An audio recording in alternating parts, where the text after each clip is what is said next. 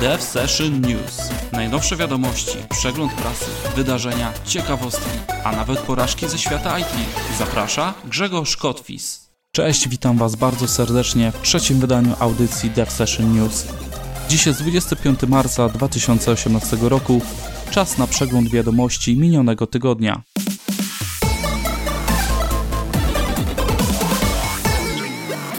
Zaczynamy od informacji o nowych wersjach języków.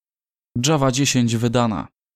Jest to pierwsza publikacja nowej odsłony Java w tym roku i zarazem pierwsza według nowego harmonogramu wydań, który zakłada wypuszczanie nowej wersji co 6 miesięcy, a co 3 lata w wersji LTS, czyli Long Term Support.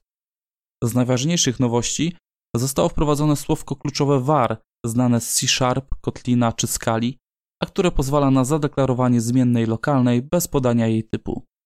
Prowadzono usprawnienia w obszarze garbage kolektora i zarządzania pamięcią, takie jak interfejs do GC, który zwiększa izolację różnych jego implementacji, czy znaczącą poprawę wydajności Garbage First.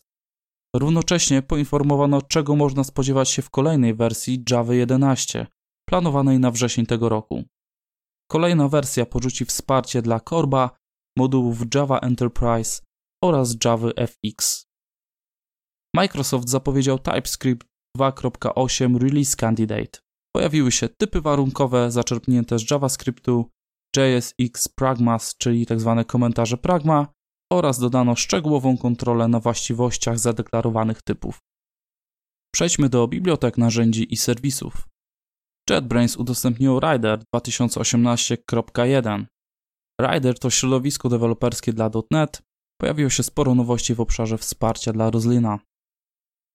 Microsoft opublikował nowe wersje Preview Visual Studio 15.7 Preview 2 dla Windows oraz 7.5 Preview 1 dla Maca. Pojawiła się nowa wersja Nginx 11.13.10 z natywnym wsparciem dla gRPC Google Remote Procedure Call. Nginx to otwarty serwer webowy, reverse proxy, cache, powszechnie wykorzystywany w tzw. Tak modern web i wysoce wydajny. Apple udostępniło deweloperom szóstą betę systemu iOS 11.3. Ta wersja wprowadza istotne zmiany, takie jak wiadomości przechowywane w iCloud czy Augmented Reality Kit w wersji 1.5. Netlify przedstawił projekt Orchid, generator stron statycznych oraz dokumentacji, który w szczególności może zastąpić używany od lat JavaDoc. Wsparcie dla Markdown, SCSS, Pebble, motywów oraz poprzez system pluginów wielu innych funkcjonalności. Tak wygenerowana strona może być wdrożona do Netlify, Amazon S3 czy GitHub Pages. Cloudflare przedstawiło Cloudflare Mobile SDK, darmowe narzędzie do monitorowania i badania wydajności aplikacji pod kątem problemów związanych z siecią, takich jak pogubione pakiety. I ostatnia wiadomość: Microsoft zaprezentował Blazor, czyli framework webowy wykorzystujący zapowiedziany w zeszłym roku WebAssembly. Jest to eksperymentalna wersja wykorzystująca C Sharp, Razor oraz HTML, a która umożliwia stworzenie pełnej aplikacji webowej.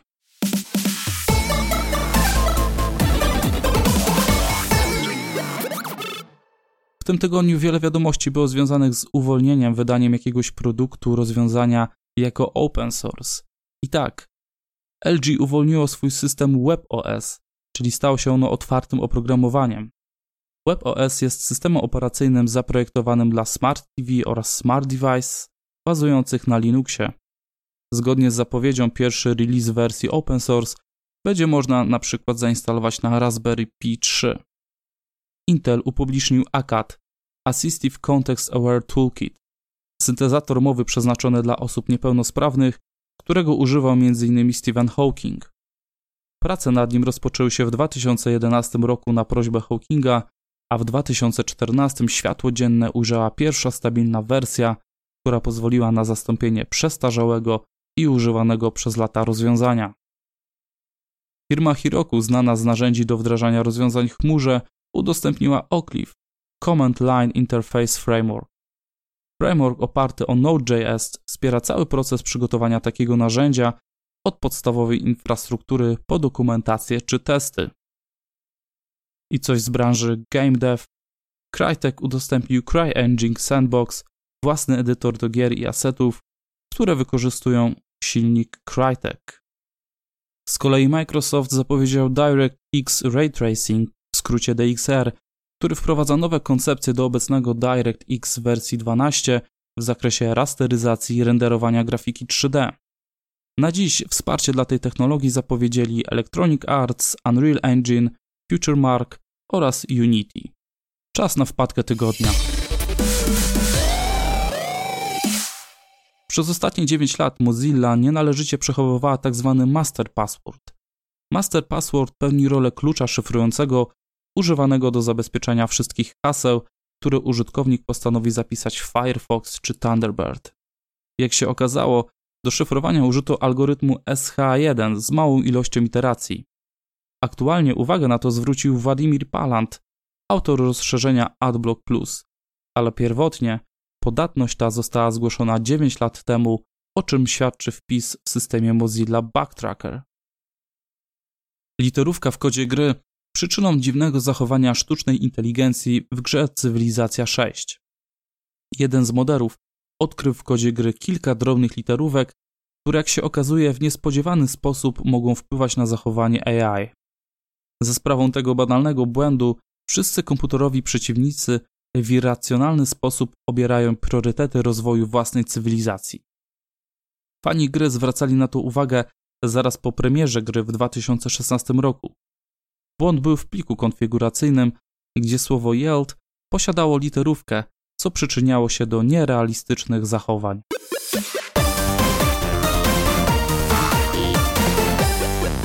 Zostaniemy teraz trochę przy grach, a konkretnie game development, ponieważ Amazon zapowiedział platformę Amazon Game On, opartą o infrastrukturę AWS Cloud.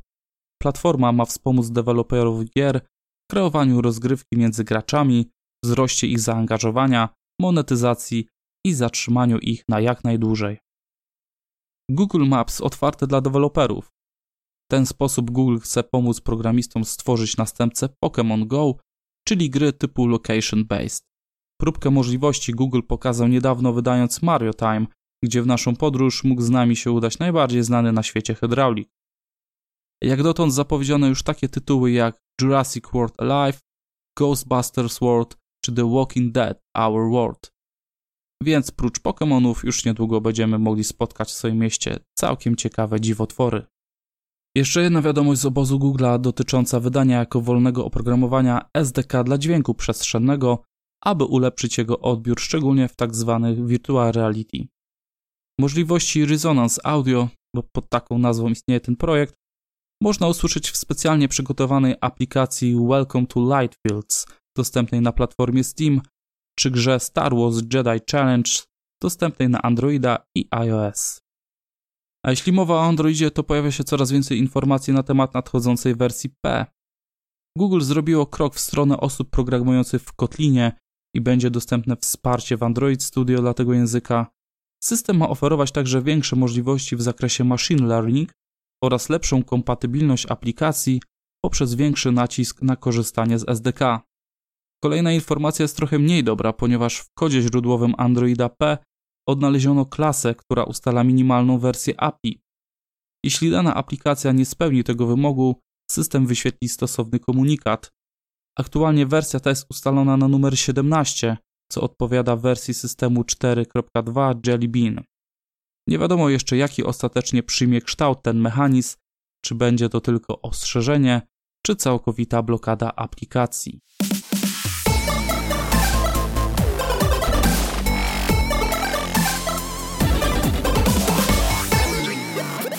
W tym tygodniu przeczytałem artykuł Jak programowanie wpływa na nasz mózg. Zawarte w nim były trzy główne punkty. Pierwszy. Programowanie kształtuje nasz model mentalny, czyli postrzeganie funkcjonowania świata i otaczających nas przedmiotów. W tym punkcie poruszono kwestię wyboru pierwszego języka i tego, jak paradygmaty i koncepcje wpłyną na postrzeganie przez programistę struktur danych czy algorytmów. W podobnym tonie wypowiadał się już Edgar Dijkstra, który w swojej książce napisał: Narzędzia, których używamy, mają głęboki wpływ na nasze nawyki myślowe, a zatem na nasze zdolności myślenia.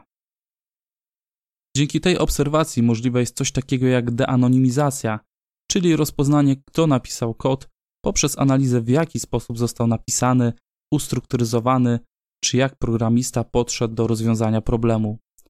Im bardziej skomplikowany problem, tym łatwiej to dostrzec. Programowanie poprawia utrzymać w zdrowiu nasz mózg. W tym kontekście przytoczono kilka przeprowadzonych na przestrzeni lat badań, które co prawda nie wykazały, że angażowanie stymulowaniu mózgu czyni cię mądrzejszym, bardziej zdolnym, ale przedłuża jego zdrowie i zapobiega uszkodzeniom neuronów, co z kolei może zapobiegać wczesnej demencji czy chorobie Alzheimera. Programowanie to nie tylko matematyka i logika. W 2014 roku przeprowadzono badanie z użyciem rezonansu magnetycznego, podczas którego programista wykonywał pracę z kodem, odczytywanie, opisywanie jego działania itd. Tak Zaobserwowano zaangażowanie partii mózgu odpowiedzialnych za uwagę, język, pamięć semantyczną oraz pamięć roboczą. Oznacza to, że praca z kodem źródłowym wykorzystuje głównie części mózgu związane z przetwarzaniem języka, pamięcią i uwagą. Co zaskakujące, podczas badania ledwo wykryto aktywności w obszarach związanych z matematyką i obliczeniami, podczas analizy fragmentów kodu, które obejmowały pętle, instrukcje warunkowe, arytmetyczne i inne operacje algorytmiczne. Więcej do przeczytania w artykule How Programming Affects Brain, do którego link znajdziecie w opisie audycji. Czas na wydarzenia nadchodzącego tygodnia oraz specjalnie przygotowane dla Was wydarzenia, które odbędą się w kwietniu, a na które myślę znajdziecie jeszcze bilety. W dniach 27-28 marca odbędą się Warszawskie Dni Informatyki. Organizowana od wielu lat interdyscyplinarna konferencja dla studentów, profesjonalistów, ekspertów IT, której towarzyszyć będzie giełda pracy. Pierwszym kwietniowym wydarzeniem jest Festiwal Technologiczny for Developers 9 kwietnia Warszawa.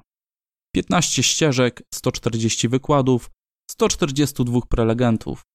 Następnego dnia 10 kwietnia na Politechnice Lubelskiej odbędą się IT Academic Day.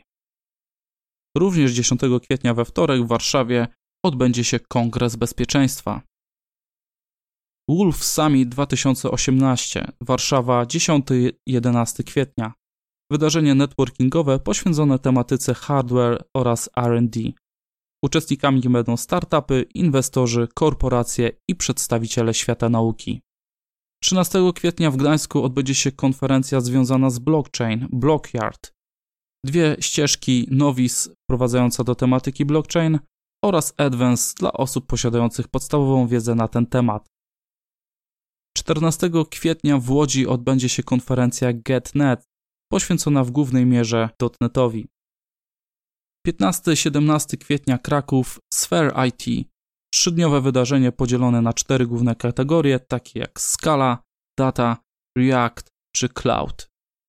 19 kwietnia w Warszawie odbędzie się konferencja Cyberhuman, jedyna w Polsce konferencja o tym, jak technologia cyfrowa tworzy nowego konsumenta. 21 kwiecień Wrocław, Geek Week WRO. Bezpłatna konferencja, która będzie zakończeniem trwających dwóch tygodni Geek Week WRO, a na której zaprezentują się przedstawiciele lokalnej społeczności IT. W kwietniu odbędą się również dwie edycje Code Europe. Pierwsza 24 w Warszawie, druga 26 dnia we Wrocławiu. 11 ścieżek tematycznych i ponad 150 specjalistów IT z topowych i innowacyjnych firm na świecie. I ostatnie wydarzenie Microsoft Tech Summit 25-26 kwietnia Warszawa. Wydarzenie związane głównie z chmurą i rozwiązaniami Microsoft 365. Wstęp darmowy. To wszystkie wiadomości, które przygotowałem dla Was w tym tygodniu. Dziękuję za uwagę i jednocześnie zapraszam na iTunes do zostawienia recenzji, dzięki której uda się dotrzeć do jak największej ilości słuchaczy. Cześć!